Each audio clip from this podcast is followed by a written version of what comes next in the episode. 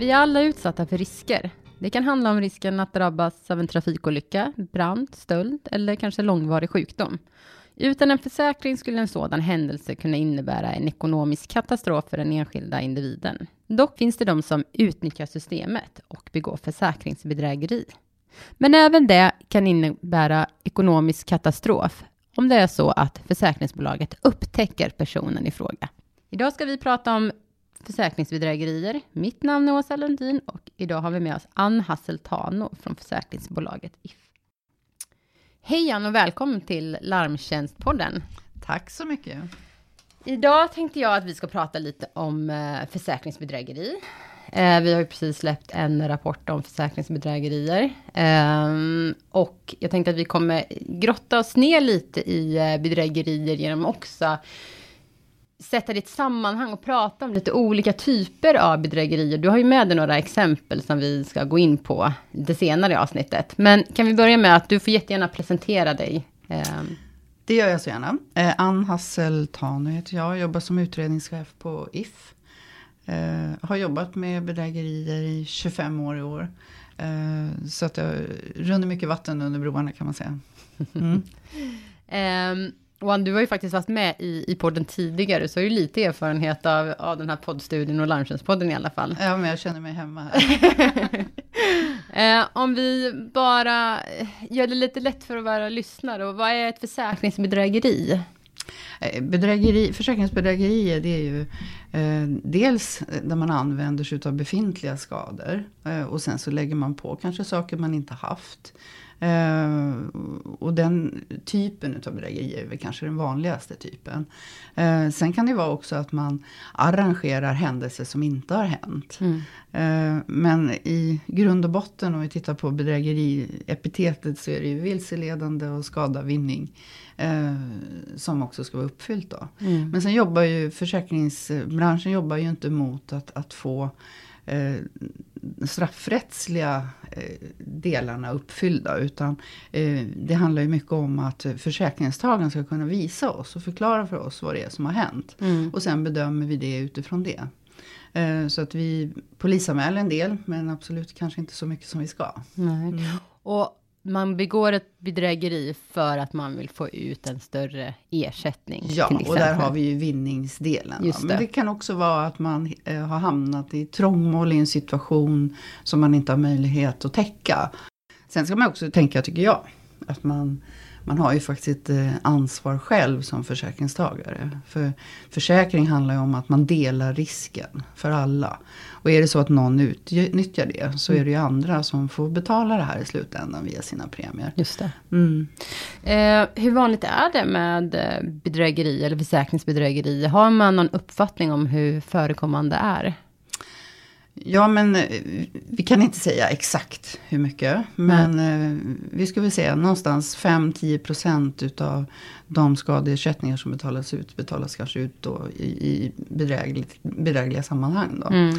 Eh, och tittar vi då på eh, vad hela, försäkrings, på hela försäkringsbranschen så rör det sig någonstans om mellan 3,5 till 7 miljarder eh, per år.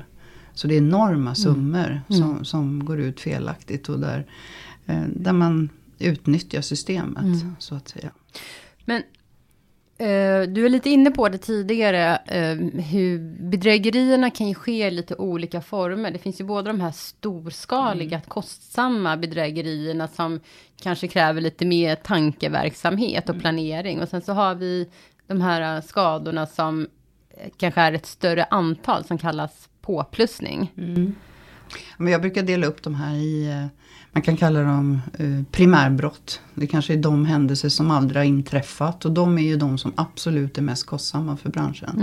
Mm. Uh, och sen tittar vi på sekundärbrotten där man kanske använder en befintlig skadehändelse. Och sen plussar man på då saker som, som inte har, man har blivit av med.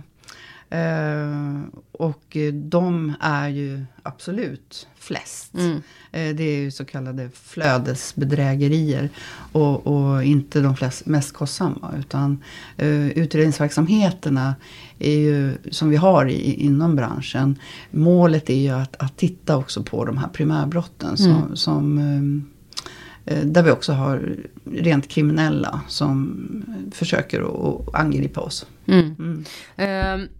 Kan ni se vilka, eh, vart begås det flest bedrägerier? Finns det speciella försäkringstyper eller kategorier som är eh, mer vanliga att det förekommer bedrägerier inom? Eh, ja, men om man tittar på hur vi har jobbat rent historiskt. Så, så började försäkringsutredningarna egentligen på motorsidan. Mm. Eh, och där är, där är vi ju väldigt inkörda. Mm. Eh, så på motor, även då på hemförsäkring och på privatsidan. Är ju de två största delarna. Men vi jobbar över hela spektrat. Både avseende företagsskador, personskador mm. och egentligen alla områden. Mm. Och där vi, där vi ser att vi behöver gå in då med specifika insatser till exempel. Ja, för att hur, hur jobbar branschen för att minska bedrägerierna? Vi följer ju upp. Eh, eh, dels är det så att det är fluktuerande. Mm. och det kan vara så att det kommer upp som en ny trend. där man utnyttjar försäkringen. Och de här försöker vi ju följa förstås. och ser ju också då till att, att göra åtgärder. Eh, och där kan man ibland som försäkringstagare få, få uppleva att man får gå igenom, gå lite fler kontroller eh, än, än normalt kanske. Mm. Eh, och då eh, kan det absolut vara så att vi, vi har en sån insats då som vi tittar på. Mm. Eh, jag kan väl inte nämna exempel. Eh, där insatser har gjorts genom åren. Det är till exempel vid teknikbyten, eh, mobiltelefoner, man vill byta kanske ut sin till senaste modellen. Mm. Det kan vara säsongsbedrägerier i form av att eh, dyra däck försvinner när det är dags för byte och sådär. Mm. Det är väl några av de här enklare exemplen. Mm. Men sen följer vi som sagt, som nu, har vi ju en uppsving här eh, som vi ser när det gäller de här leasingbilarna. Väldigt många som leasar sina bilar idag. Mm. Och där kan det ju hända saker under vägens gång. Eh, med de här leasingbilarna som gör att det kan bli otroligt kostsamt när man ska lämna tillbaka dem. Eh, och här har vi då sett att man har gjort en del bedrägerier då i det genom att man kanske har eldat upp den här bilen. Och detta för att undvika då att betala, betala de här eh, kanske skadorna ja. som har hänt när man har leasat bilen. Exakt, men jag skulle vilja säga här att under vägens gång när man har en leasingbil så har man också en försäkring. Mm. mycket bättre att, att anmäla det här stenskottet eller vad det nu är för någonting som kommer upp på vägens gång på den försäkring man har. Mm. Och är det så att man gör en sån här väldigt dåligt val att elda upp bilen för att man tror kortsiktigt att det här ska bli billigare. Eh, så kan jag säga att det blir väldigt mycket dyrare för den enskilda mm. personen. Mm. Det här kan kosta enorma pengar. Dels eh, i skuld gentemot leasingbolaget då, eller den man leasar ifrån. Och, mm. Eh, man får betala bilen plus då alla kostnader. Det kan också vara så att det blir kostnader gentemot försäkringsbolaget i form av de undersökningar och det vi gör. Mm. Så att Eh, rättegångskostnader kan det bli. Mm. Eh, så att eh, ingen bra idé Nej. att göra ett försäkringsbedrägeri kan bli oerhört kostsamt. Ja.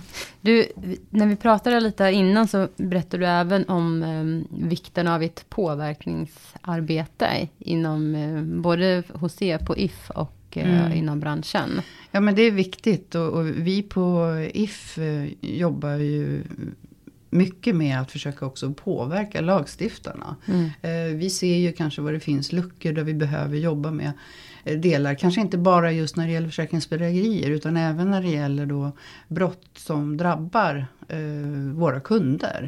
Mm. Som till exempel de internationella brottsnätverken som härjar lite fritt i vårt land.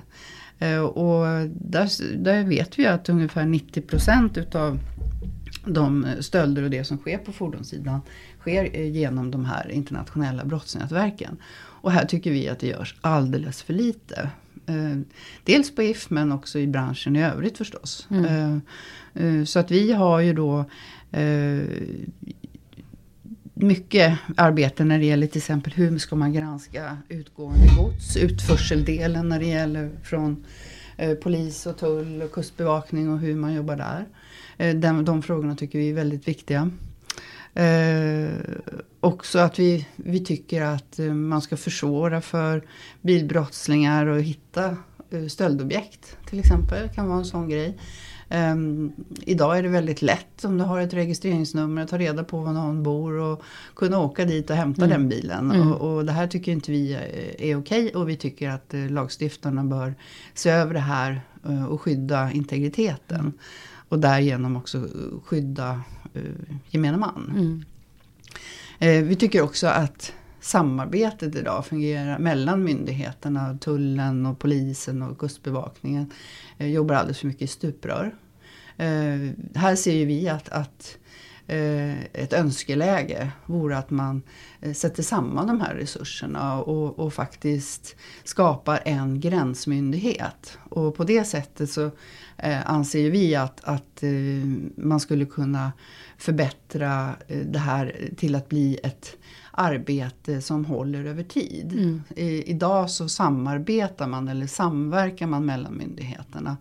Ehm, och samverkan eller samarbeten då kan, kan ske i projektform. Och här menar vi, vi på och jag på att, att eh, polisen behöver ha en uthållighet och eh, också någonting man jobbar med över tid och inte enskilda insatser. Mm. Eh, och här tror jag att vi absolut har våra kunder med oss när det gäller det arbetet. Mm. Att det är viktigt att man faktiskt tar det här på allvar. Mm. Och det, pratar, det är inte bara bilbrottsligheten utan även inbrott och andra stölder mm. som, som eh, är påverkade mm. av det här. För där ser man ju ändå goda resultat när man gör den här typen av samverkansprojekt. Eh, ja, att det, det gör skillnad. Det gör men sen så slutar ju projektet.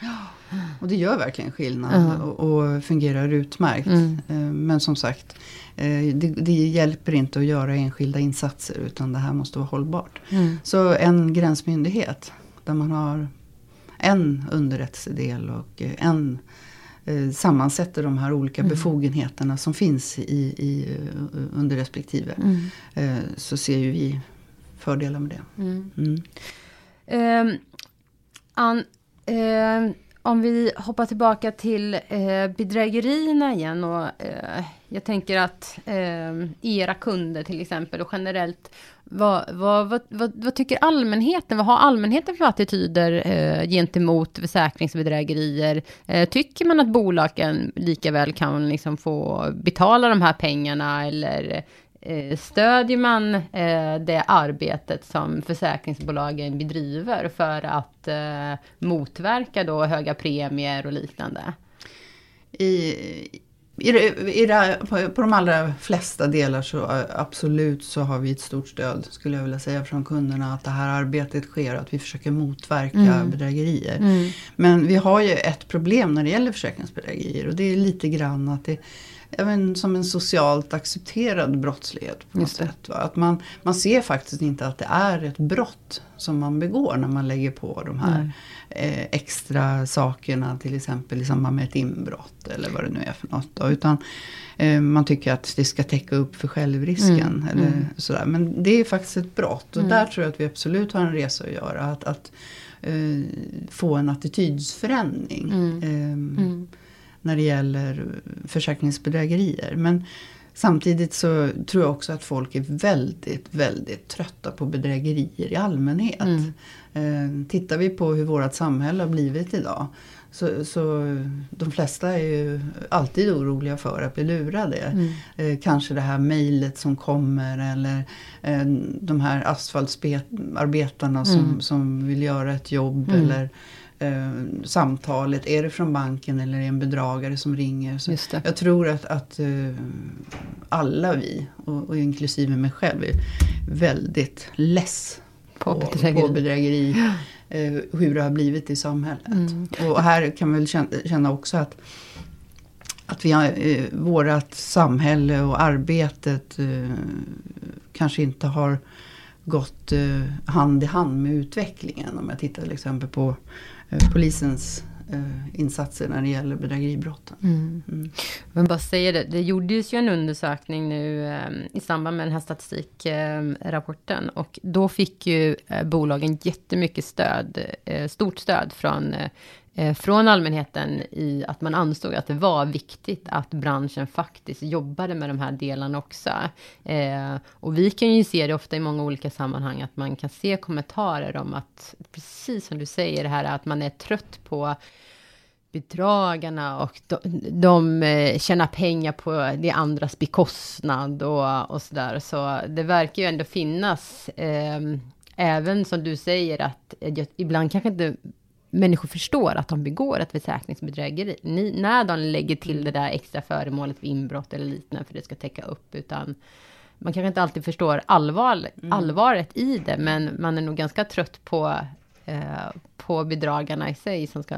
Ja, man är ju det och där ska man väl tänka till en extra gång. Mm. För, för försäkringsbedrägerier, det är ju eh, en sån här sak eh, som jag menar, som vi kan få tips om. Man har suttit och skrytit om på en middag mm. till exempel. Mm. Vad man har gjort och lyckats få de här extra mm. pengarna. Men eh, om, om, vi skulle ta det här parallellt då till exempelvis eh, de skatter som vi betalar in. Där vi blir lurade. Så, mm.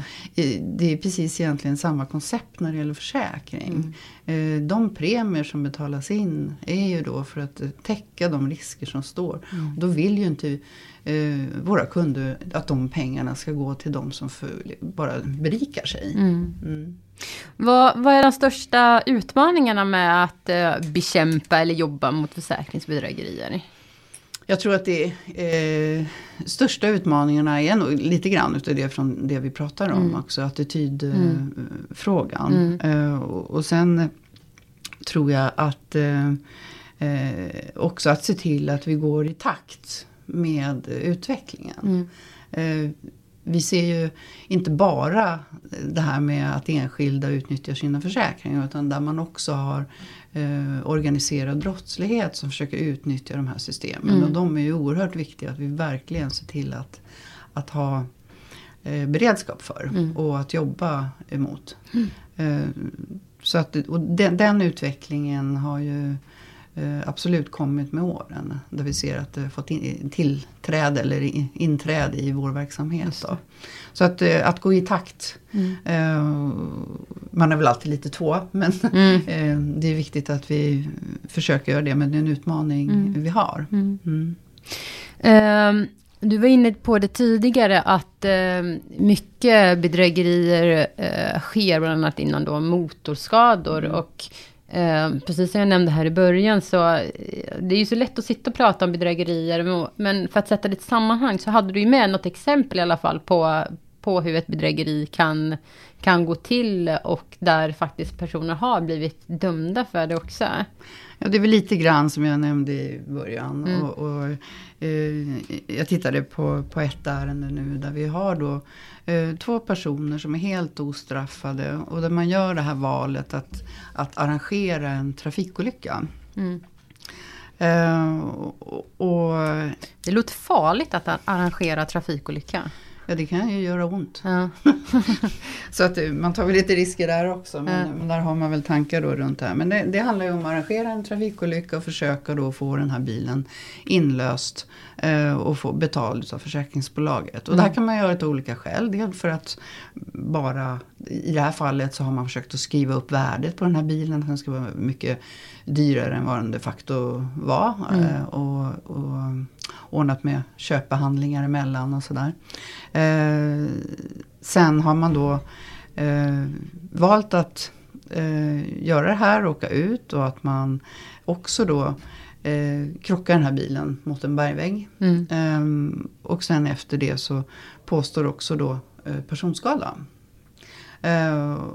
Och att man då även åker ambulans in. Och när det senare visade sig att den här personen inte ens satt i bilen. Så det här kunde ju blivit väl ännu mer, mm. om man säger, om det här hade lyckats. Eh, kostsamt för våra kunder eh, i form av premieinbetalningar. Mm. Eh, för det kunde ha blivit väldigt dyrt. Mm. Eh, nu blev de här avslöjade och, och, här har ju vi väldigt goda tekniska förutsättningar att utreda de här.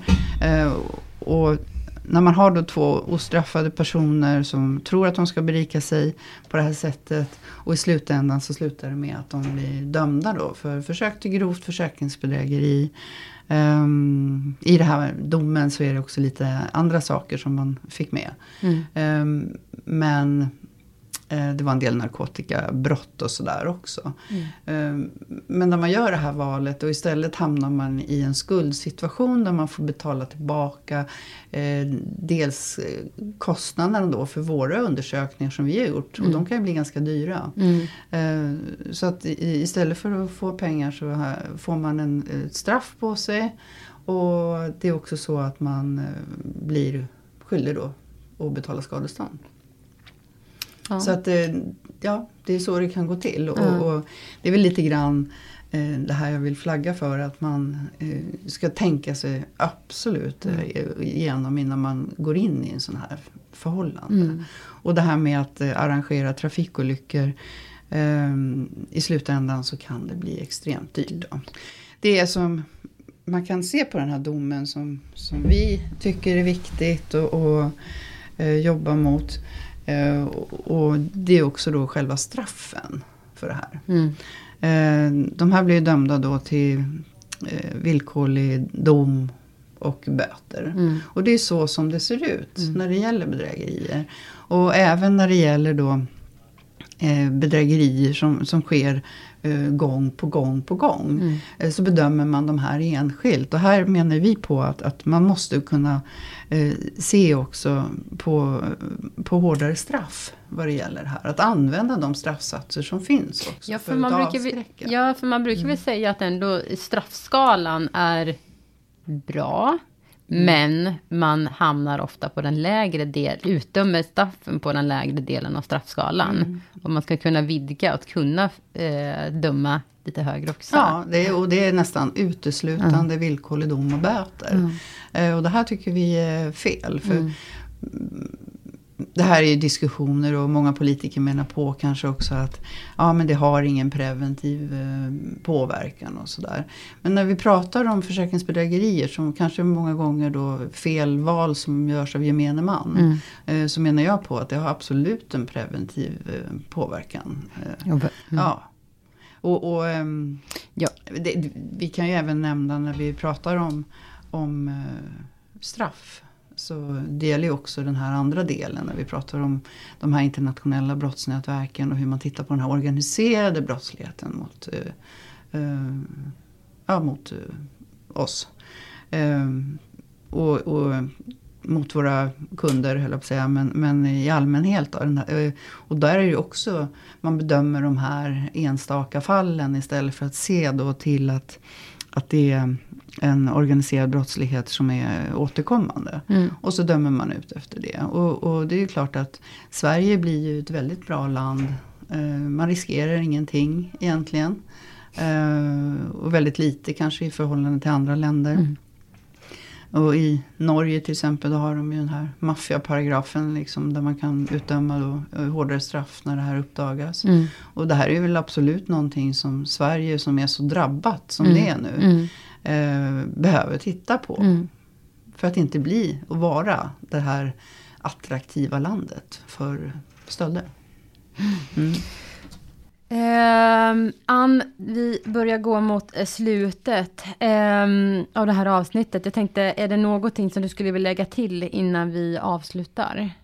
Nej, men mer uppmana. Eh, tänk till en extra gång mm. innan man fattar det här beslutet. För att det kan slå väldigt hårt tillbaka på, mm.